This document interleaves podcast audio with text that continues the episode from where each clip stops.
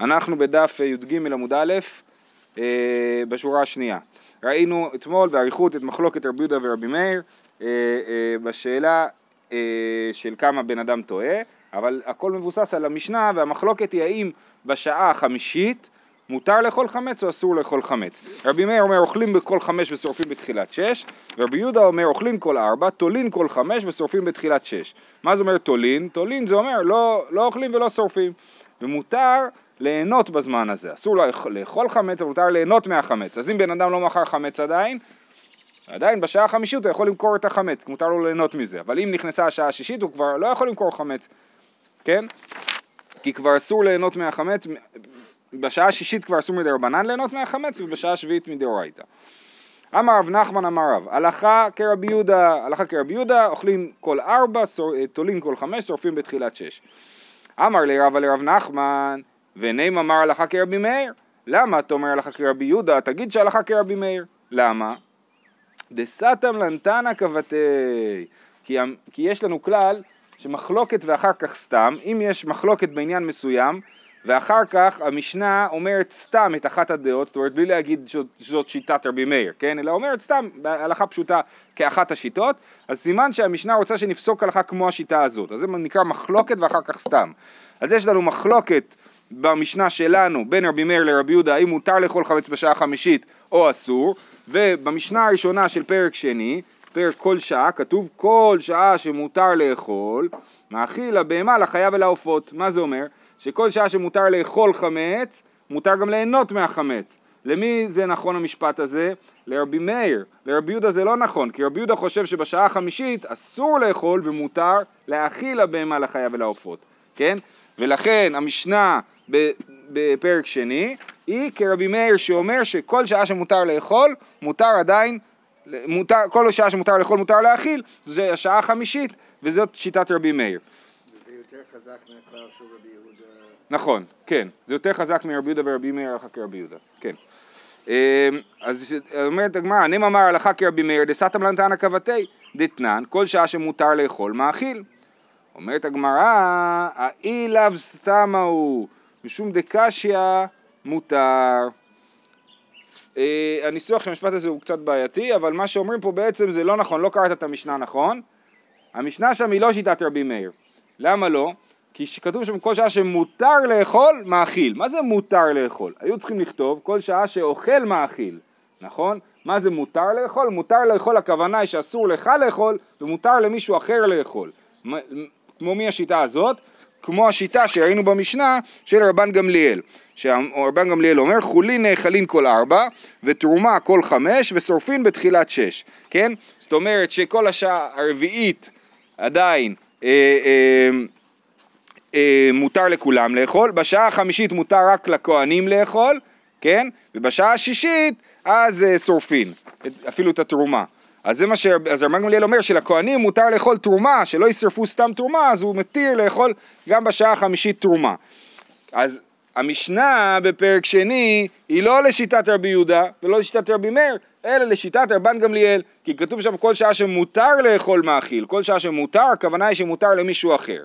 אז נקרא את זה עוד פעם, אומרת הגמרא, האילאו סתמה הוא משום דקשיא מותר. זה כאילו, זה משפט נורא קצר, איך הבנתי אותו? כי, כי זה, מופ... זה סוגיה כאילו, זה תקציר של הסוגיה שמה בדף כ"א. ונעים אמר הלכה כרבן גמליאל, דאבה לי מכריע, אז אומרים טוב, אז בואו נגיד שהלכה כרבן גמליאל, למה? כי רבן גמליאל הוא שיטה מכריעה, יש לנו כלל שאנחנו רוצים ללכת אחרי המכריע, זאת אומרת אם יש איזושהי מחלוקת, אז היינו רוצים ללכת בדרך האמצע, דרך הפשרה, דרך האמצע, אז רבן גמליאל הוא דרך האמצע פה, למה? כי רבי יהודה אומר אסור בכלל לאכול בשעה החמישית.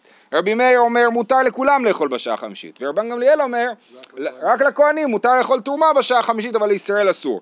אז בואו ניקח את השיטה הזאת, זאת שיטה מכריעה. אמר לי, כן, זאת אומרת הרי אה, רב נחמן אמר שהלכה כרבי יהודה ורבא הקשה לו, אז רב נחמן אומר לו, רבן גמליאל לאו מכריע הוא, טעם דנפשי כאמר. זאת אומרת, הוא אומר, רבן גמליאל הוא לא מכריע. למה הוא לא מכריע? כי הוא אומר משהו מעצמו. מה שרש"י מסביר פה זה שזה הולך ככה. אם רבי יהודה היה אומר, בין ישראל ובין כהנים אוכלים בשעה הרביעית אבל בשעה החמישית לא, אז היינו, ורבי מאיר היה עונה לו בין ישראל ובין כהנים אוכלים בשעה החמישית, אז רבי גמליאל היה אומר לו אה, משהו באמצע, ישראל לא אוכלים אבל כהנים כן אוכלים, אז הוא היה נחשב למכריע. אבל כאן רבי יהודה ורבי מאיר בכלל לא התייחסו להבדל בין ישראל לבין כהנים, וכיוון שכך רבן גמליאל לא נחשב למכריע, הוא לא עומד באמצע ביניהם כי הם בכלל לא עניין אותם החילוק שבין ישראל לכהנים. יש פה עוד בעיה אחת בסוגיה, שלכאורה אם כבר אמרנו למה נפסוק כרבן גמליאל כי הוא מכריע, ואז אומרים לו הוא לא מכריע, אבל עדיין יש עוד סיבה לפסוק כרבן גמליאל, שהמשנה בדף כ"א הסברנו אותה שהיא עשתה מה כרבן גמליאל, אז יש לנו מחלוקת, רבי יהודה, רבי מאיר ורבן גמליאל, נכון? והלכה, ו- ומחלוקת ואחר כך סתם, המשנה עשתה מכרבן גמליאל, אז לכאורה הלכה כרבן גמליאל. למה לא פוסקים כרבן גמליאל בגלל זה? הרי הוא פוסק כרבי יהודה. אז זה תוספות מקשה את זה ואין לו תשובה טובה, כן? זאת קושייה, אה, אה, קושייה חזקה על המהלך של הסוגיה, ואין לו תשובה טובה. התשובה היחידה שיש לו זה להגיד ש... אה, מה שהגמרא תכף תגיד, שלומדים את זה ממקור אחר. זאת אומרת, זה שרב פסק הלכה, אנחנו בדף י"ג עמוד א', אמ, זה שרב פסק הלכה כרבי יהודה זה לא בגלל המשניות בהמשך, אלא יש לו מקור תנאי שאומר לו לפסוק הלכה כרבי יהודה ולכן על זה הוא סומך. אמ, מה המקור? אומרת הגמרא, ויהי בית אימה, רב דאמר כי הייתנא, כן, רב אומר כמו התנא הזה, דתניא, ארבעה עשר שחל להיות בשבת מבארין את הכל, או, oh, זה יוצא השנה, רבותיי, השנה יהיה לנו י"ד ניסן, בדקתי, י"ד ניסן יהיה בשבת, וזה מסובך מאוד, מה עושים? כי צריך לשרוף את החמץ ביום שישי, ולהשאיר קצת חמץ לאכול, כן? ולאכול אותו בשבת. וגם צריך לאכול אותו לפני השעה הרביעית, כן? אז צריך לאכול מוקדם. לסיים אותו, שבת בבוקר? כן, שבת בבוקר, בסביבות עשר וחצי כבר צריך לסיים לאכול חמץ. אפשר לאכול את הסעודה, אבל חמץ צריך לסיים עד... אה, עשר וחצי בערך. אסור להתענות בשבת. נכון. כאילו, אתה אוכל אבל לא חמץ. אתה יכול לאכול כמעט הכל, רק לא חמץ. אצל האשכנזים זה שאלה. מה, למה? לא, כי אנחנו מתענים בפסח. אה. טוב, על זה עוד נדבר. ברוך אתה ידנו יכולם שהכל נהיה גרוע. אה, את החמץ? חייבים לאכול חמץ, כי אתה חייב לעשות לחם משנה. אתה לא יכול לעשות את זה על מצה, כי אסור לאכול מצה בערב פסח. אתה חייב לאכול את זה, זה בסדר, זה עניינים, כשיגיע חג פסח, תאמין לי, הרב יוציא הוראות אה, מה לעשות. כן, אז הוא אומר, אז 14 שחל להיות בשבת, מה עושים? מבארין את הכל מלפני השבת, ושורפין תרומות טמאות, תלויות וטהורות, כן? אז הטמאות, טמאות. אי אפשר לאכול אותן ממילא, ממילא צריך לשרוף אותן. התלויות זה תרומות, ש... זה תרומה שאתה מתלבט אם היא נטמעה או לא. מה אתה יכול לעשות עם תרומה שאתה מתלבט אם היא נטמעה או לא? אתה לא יכול לשרוף אותה כי אולי היא טהורה, אתה לא יכול לאכול אותה כי אולי היא טמעה. אז זה תלויות, התרומות התלויות והטהורות, כיוון שמדובר בערב פסח וכבר אף אחד לא יאכל את התרומה הזאת, אז שורפים את הכל בערב פסח, בי"ג.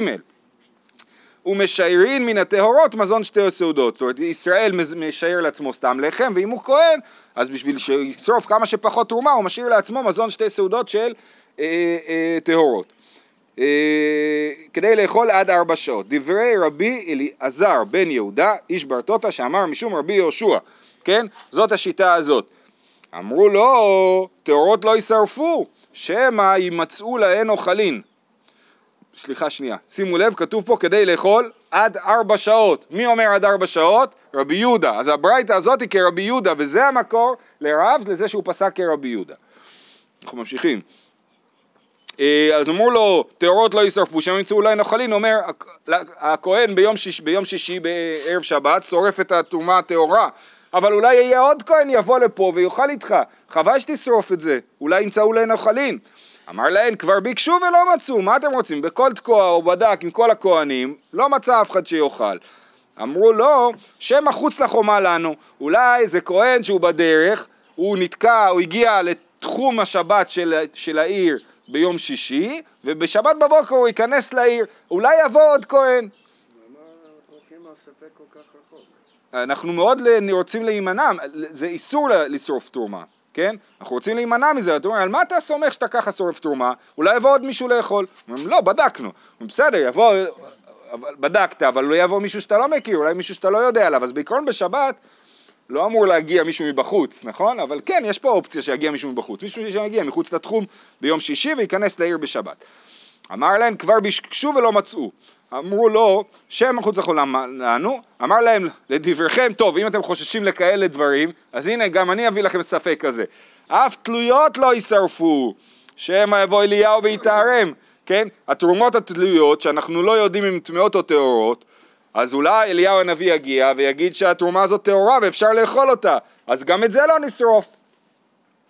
אמרו לא, לא, לזה לא חוששים, ולמדנו כבר את הדבר הזה, כבר מובטח לישראל שאין אליהו בא לא בערבי שבת ולא בערבי ימים טובים מפני הטורח. אליהו לא מגיע לא ביום שישי ולא בערב חג, ופה יוצא שי"ד בניסן חל בשבת, אז, אז יום שישי זה ערב שבת ושבת היא ערב חג, אז אל תדאג, אליהו הנביא לא יגיע, אפשר להירגע, ואף אחד לא יבוא להתיר את התרומות האלה. אמרו לו זזו משם עד שקבעו הלכה כרבי אלעזר בן יהודה איש ברטוטה שאמר משום רבי יהושע. אז למרות שכאילו, בסדר, היה ויכוח, אבל כן ההלכה כמותו, שזה מה שעושים בערב פסח שחל להיות בשבת, ששורפים את הכל, משאירים שתי, מזון שתי סעודות, ומשמע שגם על מה שהוא אמר, שאוכלים עד ארבע שעות, גם כן הלכה כמותו. אז הנה, אז רב צודק שהוא פסק הלכה כרבי יהודה, שמותר לאכול חמץ בערב פסח עד ארבע שעות. אז אומרים, מה אליו אפילו לאכול? כן, אפילו לעניין הזה שאוכלים את החמץ עד ארבע שעות בערב פסח, גם לזה הלכה כמותו. אמר רב פאפא משמי דרבה, לא לבאר, לא, זה לא העניין. העניין שלנו, הנושא של הברייתא זה מה עושים עם התרומה בערב פסח שיכול להיות בשבת, ששורפים אותה כבר ביום שישי. על זה שהוא אומר שאוכלים עד ארבע שעות זה משהו שולי בברייתא, ועל זה אנחנו לא אומרים שההלכה כמותו, זה לא מוכיח שההלכה כמותו. רב אומר את זה מסברה? לא, אולי רב חושב שכן הלכה... זה נשמע מרב שזה... זה לא אומר גם שאין הלכה כמותו. רק זה שאומרים שקבעו הלכה כמותו, זה לא מחייב לעניין הזה של, של אכילה עד ארבע שעות. בכל אופן, מבחינת רב, כן, הנה יש לו פה מקור והוא סומך עליו, ופוסק הלכה כרבי יהודה. ואף, ואף רבי סבר ליד רב נחמן, לא רק אה, רב חושב שפוסקים הלכה לא רק רב נחמן בשם רב פוסק הלכה כרבי יהודה, אלא אפילו רבי פוסק הלכה כרבי יהודה. איך אנחנו יודעים? דאמר רבין ברב עדה, מעשה באדם אחד, שהפקיד דיסקיה מלאה חמץ, דיסקיה זה שק, אצל יוחנן, מה זה? שק כפול. שק כפול, דיסיקיה, כן, שתי שקים. אמ, אצל יוחנן חקוקה ונקבוה עכברים, והיה חמץ מבצבץ ויוצא ויוצא. אז, אז עשו, העכברים עשו חור בשק, ואז הוא ראה שיש חמץ בפנים. בסדר, רש"י מסביר קצת אחרת, נראה לי זה הפשט היותר פשוט, כן? Uh, הוא לא ידע מה יש לו בשק. שם אצלו שק, אמר לו תשמור לי על זה. עשו עכברים חורים בשק, ואז הוא ראה שיש חמץ בפנים. ערב פסח, עוד מעט צריך לשרוף את החמץ. נכון? הפקידו חמץ אצל בן אדם, החמץ הזה הוא לא שלי, הוא אצלי, מופקד אצלי, אסור לי שיהיה מופקד אצלי החמץ, וגם אני לא רוצה שהבן אדם השני ילך לו הכסף שהחמץ שווה. הוא בא לפני רבי, היוחנן חקוקה הגיע לרבי, שעה ראשונה אמר לו המתן, שנייה אמר לו המתן, שלישית אמר לו המתן, רביעית אמר לו המתן, חמישית אמר לו, צא ומוכרה בשוק. אז עד השעה הרביעית הוא אמר לו לחכות, אולי הבן אדם יגיע ויקח את החמץ, יאכל אותו, לא יודע. בשעה החמישית הוא אמר לו, תמכור. אה, למה הוא אמר לו תמכור בשעה החמישית? למה הוא לא אמר לו תאכל את זה בשעה החמישית? בגלל שכנראה הוא סובר כרבי, כרבי יהודה, שבשעה החמישית כבר אסור לאכול חמץ ומותר רק למכור חמץ. החמץ בשעה החמישית מות... אסור באכילה ומותר בהנאה, סימן שרבי חושב כמו רבי יהודה.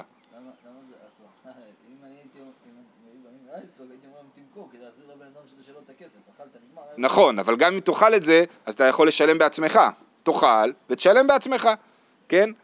אז אומרים, אמר לי, צא ומוכרה בשוק, מה אליו לנוכרי? מה הכוונה למכור אותה בשוק? לגויים. כי אסור לאכול חמץ בשעה החמישית, כרבי יהודה. אמר רב יוסף, לא לישראל כרבי מאיר. כשהוא אמר לו צא ולמכור בשוק, הוא אמר לו צא למכור בשוק ליהודים, כמו רבי מאיר, שמותר בשעה החמישית לאכול חמץ, כן? אמר לאביי לישראל נשקלי לנפשי. אה, אז אם זה, הוא מוכר את זה ליהודים, אז שימכור את זה לעצמו, ויאכל את זה, וישלם, זה במקום ללכת להתעסק. אמר, תשובה, משום חשד, לא, את זה אנחנו לא נעשה, כי יש בזה חשד. מה החשד? החשד הזה שהוא עשה לעצמו מחיר טוב מדי, כן? זאת אומרת, אנחנו לא, אנחנו לא מתירים לו למכור לעצמו את החמץ, משום חשד שהוא לא, אנחנו לא חושדים בו, אנחנו, העולם יחשוד בו, כן? העולם יחשוד בו שהוא לא, יעש, לא עשה את העבודה כמו שצריך, ולכן אה, אה, הוא לא מוכר לעצמו. זאת אומרת, כתוב בברייתא שהוא אמר לו בשעה החמישית למכור. על פניו הבנו הפשט של הברייתא למכור לגויים, כי אסור לאכול, כרבי יהודה. אה, ואז הגמרא דוחה את זה ואומרת לא, אפשר להסביר שהכוונה היא למכור ליהודים, ולמה הוא אמר לו למכור והוא לא אמר לו לאכול, זאת אומרת למכור לעצמו, אז אה, זה בגלל החשד. מה החשד? דתניא, גבאי צדקה שאין להם עניים לחלק, פורטין לאחרים ואין פורטין לעצמם. אז אה, גבאי צדקה זה אנשים שאוספים צדקה מכל העיר, נכון? ואז מביאים אותה לעניים, ורש"י מסביר שהם אספו פרוטות של נחושת והנחושת מתקלקלת. אז הם צריכים לשמור את זה, הם רוצים לפרוט את זה על כסף, זאת אומרת להעביר את זה למטבע טוב יותר. אז הם יכולים לפרוט לאחרים אבל לא לעצמם. כן, הם יכולים ללכת ל... לא יודע מה, למכולת, להגיד לו תראה יש לי פה כך וכך, בוא תפרוט לי את זה, זה הם יכולים לעשות, אבל הם לא יכולים לעשות את זה אצלם, הוא אמר, מה אכפת לי, יש לי כיס אחד שלי, כיס אחד של הצדקה, אני אחליף, נכון? אז זה אסור, למה? משום החשד, משום שנאמר, ויש פה עוד דוגמה, גבאי תמחוי, יש גבאי צדקה וגבאי תמחוי, גבאי צדקה זה מי שגובה כסף, גבאי תמחוי זה מי שגובה אוכל, תמחוי זה קערה, הם מסתובבים עם קערה ושמים בתוכה אוכל ואז הם מביאים את זה לעניים. שוב פעם, הם גבו תמחוי ואין להם עניים לחלק. ברוך השם, מוכרין לאחרים ואין מוכרין לעצמם. הם, את האוכל הזה הם יכולים למכור לאחרים ולא למכור לעצמם, משום שנאמר, ואני חושב שזה דבר מאוד מאוד חשוב, והייתם נקיים מהשם ומישראל, כן? זאת אומרת, אה, אה, אה, יש עניין להיות נקיים לא רק מהשם אלא גם מישראל. זאת אומרת, מול הקדוש ברוך הוא, הקדוש ברוך הוא יודע שהם פרטו את זה ביושר ובצדק ולא רימו או מכרו את האוכל לעצמם במחיר נכון, אבל גם צריך להיות נקיים מישראל, וזה קצת היום אה, אה, אנשים אה, חלשים בזה, נראה לי, ככה אני רואה, כן? צריך להיות נקיים מהשם ומישראל, זאת אומרת גם להקפיד כלפי העולם, שלא יחשבו על הדברים הרעים, ולכן מה שנראה רע, לא לעשות אותו, ולהשתמ... ולנסות כאילו לעשות זה באופן שיראה נכון. מה היה מפריע לרבי להגיד, הלכה כרבי יהודה? אה, לא, אבל... הלכה כרבי מאיר, כאילו מה... לא, אנחנו, לא, זה לא... הוא לא בא להצהיר מה ההלכה, היה מקרה, היה סיפור, אנחנו מכירים את הסיפור, אנחנו מתוך הסיפור, מה שהוא התנהג, אנחנו מנסים להבין מה הוא חושב, כן? זה, זה מה שנשמר לנו הסיפור. אם היה, אם היה לנו מימר שרבי חושב הלכה כרבי מאיר, סבבה, היינו יודעים כאילו. אה, אבל נשמר לנו סיפור וממנו אנחנו מנסים להבין. בקיצור, מהסיפור הזה אי אפשר להוכיח שרבי חושב כמו רבי יהודה, אה, אה, אוקיי. אמר לרב עדה בר מתנא לרב יוסף, אה, כן אפשר להוכיח, סליחה, אומר לו, רגע, רגע, שכחת, אומר לו, הרי הרב יוסף, כזכור, אה, שכח חלק מתלמודו, אומר לו, בפירוש אמרת לן צאו מוכרן לנוכרים. הרי מקודם, מה קרה? כתוב, אמר הגמרא מקודם, מה אליו לנוכרים כרבי יהודה, אמר רב יוסף, לא לישראל כרבי מאיר, שצאו מוכרן לישראל, אבל אז התלמיד שלו אומר לו, לא, לא, לא, אתה אמרת לנו שהסיפור הוא צאו מוכרן לנוכרים. במפורש, שזה מה שרבי אמר לו, לך למכור לגויים, וסימן שהוא פוסק כרבי יהודה. אמר רב יוסף, כמאן עזה שמעתא דרבי, בכלל כל הסיפור הזה שהוא פה דואג לאוכל שמופקד אצלו, כמו מי הרעיון הזה? הוא היה יכול להגיד מה אכפת לי, שבוע השעה השישית אני אשרוף את זה, למה אני צריך לשגע את עצמי עכשיו על בערב פסח, להתחיל להסתובב ולמכור חמץ? אז הוא אומר דתנן, המפקיד פירות אצל חברו, אפילו אין אבודין לא ייגע בהן. רבן שמעון מגמליאל אומר, מוכרן בבית דין מפני השבת אבדה. כן, אז תנא קמא אומר, לא, אם אין לך אחריות על ההרס של הפירות, על הריקבון של הפירות, הוא ידע שהפירות מרכיבים, הוא השאיר את זה אצלך, בעיה שלו. ורבן שמעון גמליאל אומר לא, יש פה דין של השבת אבדה, זאת אומרת אתה גם שומר, אבל אתה גם בעצם משיב אבדה, אבדה זה הפירות האלה שהולכים לריקבון. אתה תמכור אותם ותהפוך את זה לכסף, זה יהיה השבת אבדה. לפני, אתה רואה שזה מתחיל להירקב. עכשיו תחשוב על חיטה, כן? החיטה, אתה רואה, באים עכברים אוכלים או משהו כזה, ואתה רואה שזה, עוד מעט זה כבר יאבד את הערך שלו, אז אתה מוכר את זה מראש. אמר לאביי, ולאו איתמר עלה, אביי אומר לו לא, זה לא נכון. גם תנא קמא מודה במקרה שלנו, של החמץ בערב פסח, שצריך למכור אותו ואי אפשר לתת לזה סתם אה, ללכת לעזאזל, כן? ולאו איתמר עלה, אמר בא בר חנא, אמר בי יוחנן, לא שנו אלא בכדי חסרונן. אבל יותר מכדי חסרונן, מוכרן בבית דין, וכל שכן אחא דאפסידי לגמרי. כן, אז אה, אביי אומר, על, נאמר על הדבר הזה, אה, רבי יוחנן אמר, שגם תנא קמא דיבר על חיסרון נורמלי, כן? אם יש חיסרון נורמלי, אז אנחנו אומרים לך, בסדר, זה הבעל, בעל הפירות יודע שפירות לאט לאט אה, נרקבים והוא, אה, והוא לא בא, אז בעיה שלו, כן? אבל אם זה יותר בכדי חסרונן, כמו עכשיו, שערב פסח הכל הולך, עוד שנייה צריך לשרוף את זה, אז אתה כן צריך לדאוג לזה, מוכרן בבית דין, כן יש פה דין שמוכרן בבית דין, שוב פעם זה קשור לשאלות של החשד, שאנחנו צריכים לוודא שאתה מוכר את זה במחיר הנכון, אז מוכרן בבית דין, וכל שכן אחא דאפסידי לגמרי. לא, הבית דין הוא, הוא יושב, יכול להיות שבית דין יושב בשוק, כאילו, ובודק שהמחיר הוא המחיר הנכון. או יש, יש לך, או, או יותר מזה, יכול להיות שהבעל הפירות בסוף יבוא אליך ויגיד לך, הפירות שלי היו שווים הרבה יותר. אז בית דין יושב ובודק, הוא גם נותן לך את לא. זה בית דין, אלא לפני הבית דין. כן. ככה תוספות כותב, כן? שאתה מוכר בשוק בבית דין, ככה הוא כותב. מוכר בבית דין בשוק. בירושלמי גרס צאו מוכר בבית דין בשוק. טוב, אז סיימנו עם העניין הזה, פסקנו הלכה כרבי יהודה, ככה אנחנו נוהגים היום. יש מחלוקת מעניינת בין הספרדים לאשכנזים, האם כשרבי יהודה אמר ארבע שעות הוא התכוון לארבע שעות או לשליש היום. לכאורה אין הבדל בין הדברים, אבל תלוי מה אנחנו חושבים על שעות. האם שעות זה שעות זמניות או שעות שוות. אה, אין לנו הרבה זמן, אבל כן, לכאורה כל השעות שמופיעות בש"ס זה שעות זמניות, נכון? אבל יש שיטה אשכנזית שמופיעה בכל מיני מקורות ומהם רואים שהם חושבים ששעות זה גם, לפעמים זה שעות שוות ולכן יצא ש... וככה הרמ"א פוסק, ולכן זמן אכילת חמץ של האשכנזים הוא בדרך כלל מאוחר יותר מהספרדים, כי הספרדים אומרים זה שליש היום, והאשכנזים אומרים לא, תספור ארבע שעות מהזריחה, וזה, ואז אה, זה, מת- זה רלוונטי בשנים אה, מעוברות, שפסח, שניסן יוצא מאוחר, אז יש, זה יוצר הבדל גדול יותר בזמנים. אה, בכל אופן אנחנו פוסקים הלכה כרבי יהודה. ועוד אמר רבי יהודה, כתוב במשנה, ועוד אמר רבי יהודה, שתי חלות של תודה פסולות מונחות על גב האצטבה. כל זמן שמונחות כל העם אוכלים. נתלה אחת תולין, לא אוכלין ולא שורפין, נתלו שתיהן, התחילו כל העם שורפין. אז רבי יהודה אומר, לשיטתו הוא אומר, אני יודע שבירושלים המנהג היה כמו שאני אומר, לוקחים שתי חלות של תודה, שמים אותם במקום בולט על גג האצטבה, וכשלוקחים אחת, כל עוד יש שם שתי חלות כולם יודעים שאפשר לאכול, כשמוציאים חלה אחת אז הם מפסיקים לאכול, תולין, לא אוכלין ולא שורפין, וכשמוציאים את השנייה מתחילים לשרוף. אומרת הגמרא, אה, תני תנא קמי דרב יהודה על גב האצטבה. אמר לי וכי להצניענו צריך, תני על גג האצטבה. כן, אז אה, התנא שנה על גב האצטבה, כמו שגם מופיע אצלנו במשנה, הוא אומר לו זה לא הגרסה הנכונה, כי זה גב האצטבה זה כנראה מקום מוצנע יותר, אלא על גג האצטבה. מה זה גג האצטבה? אמר רחבה, אמר רבי יהודה, הר הבית סתיו כפול היה. תניא נמי, הכי הר הבית סתיו כפול היה, רבי יהודה אומר סתיוונית הייתה, נקראת סתיו לפנים מסתיו. אז מדובר פה על, על אה, שורות העמודים, אתם מכירים קצת את הר הבית, מי שהיה שם, מי שלא היה, כל אחד לשיטתו, יש, אה, אה, כל הרחבה של הר הבית הייתה מוקפת כנראה ברחוב עמודים ענקי, כן? לא רחוב עמודים, הרחבת עמודים כזאת, כן? וזה היה, פה זה כתוב שזה היה סתיו לפנים מסתיו, זאת אומרת שתי שורות של עמודים, לפי הרב שטיינזלץ זה גם יצר הפרש בין שתי גבהים, הרי עמודים מחזיקים גג, זה הקטע של העמודים, כן? הם מחזיקים את הגג, אז הם יצרו הפרש בין שתי גגות כדי שייכנס אה, שמש ואוויר, אה, אה, ככה הרב הדין כותב.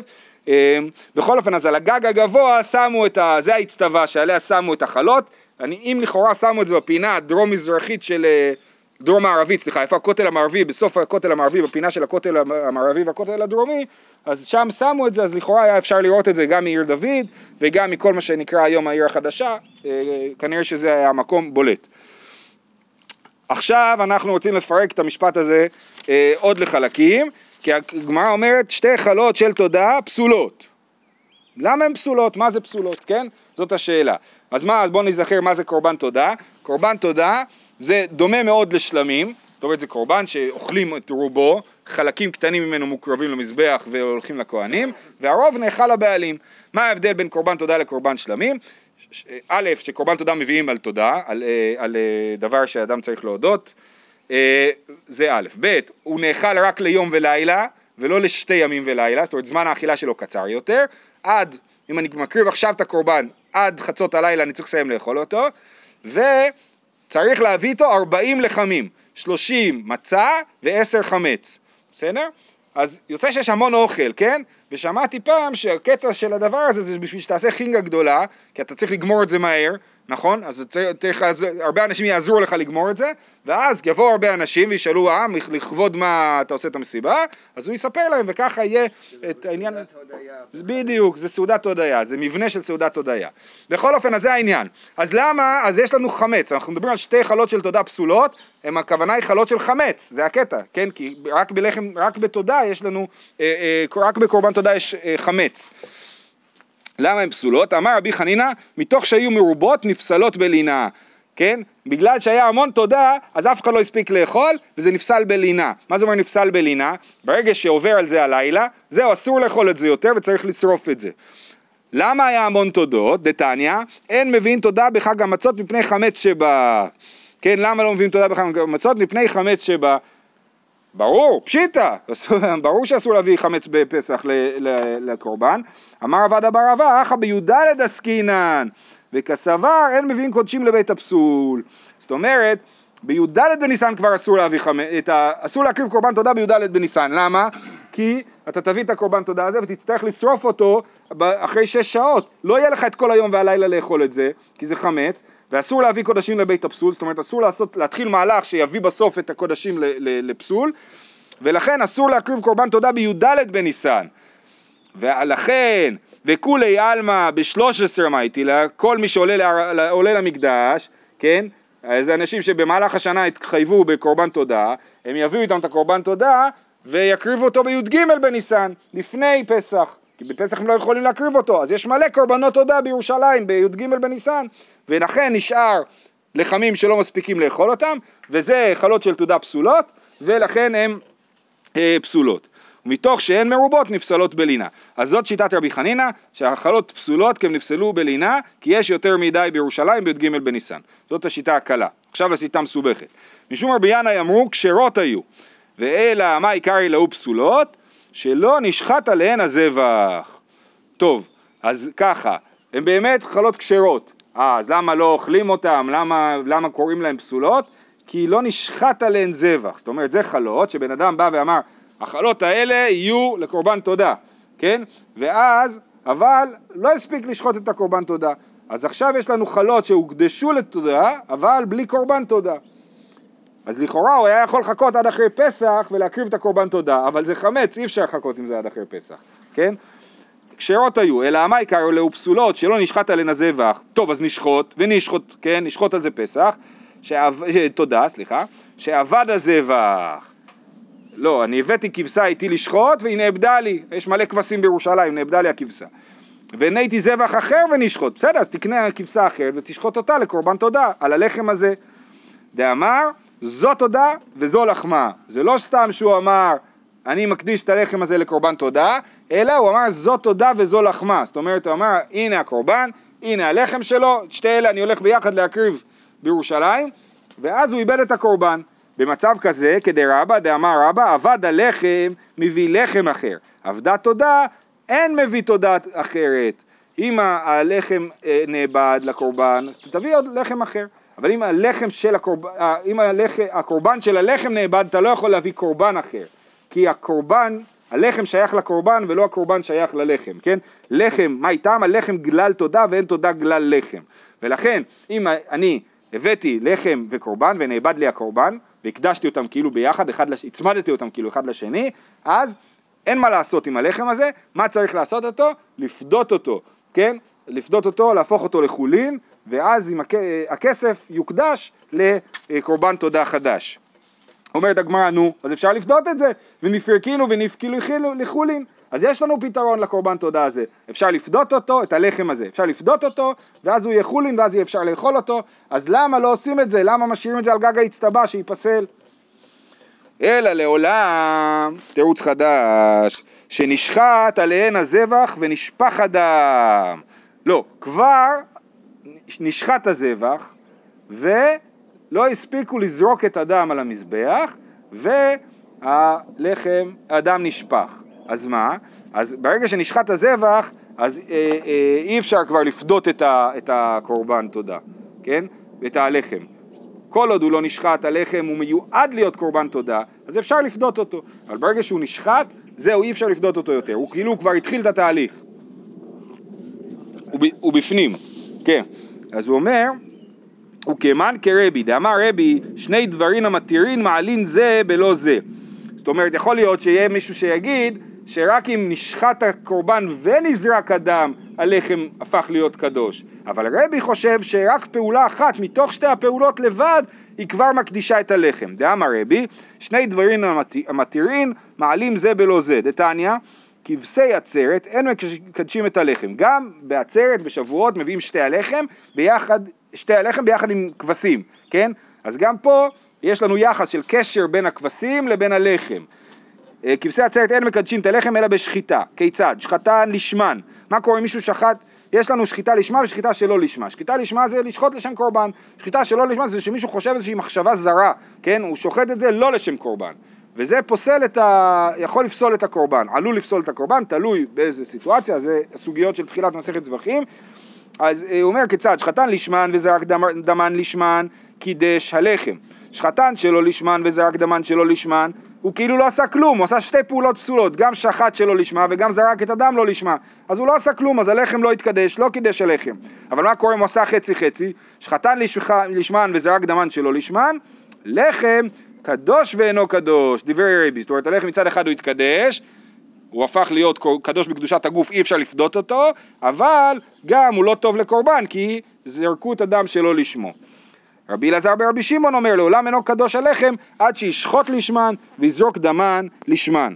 אז השיטה הזאת מתאימה דווקא לרבי ולא לרבי אלעזר ברבי שמעון, כי לפי רבי אלעזר ברבי שמעון אם הוא רק שחט ואז נשפך הדם אז אה, אה, הלחם לא קדוש, בגלל שהוא חושב שהלחם קדוש רק עד שישחוט לשמן ויזרוק דמן לשמן, בסדר?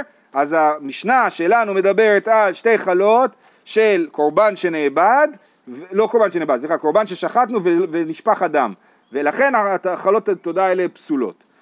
אומרת הגמרא, וזה לשיטת רבי שחושב ששחיטה בלי זרקת דם אסור כבר לפדות את הלחם.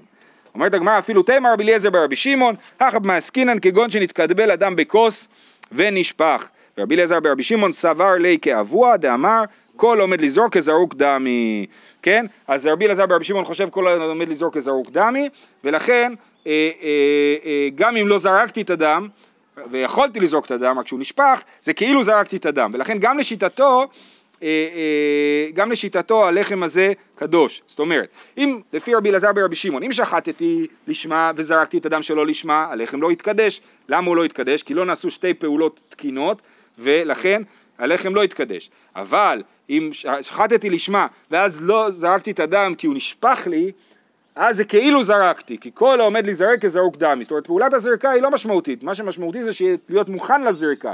כן? ברגע שאתה מוכן לזריקה כאילו זרקת, אבל אם זרקת שלא לשמה אז פסלת את הדבר הזה, אז פסלת את הזריקה, ולכן, מה זה?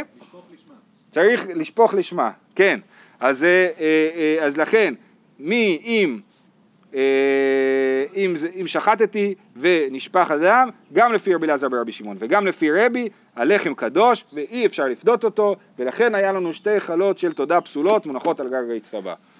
זהו, עד לכאן.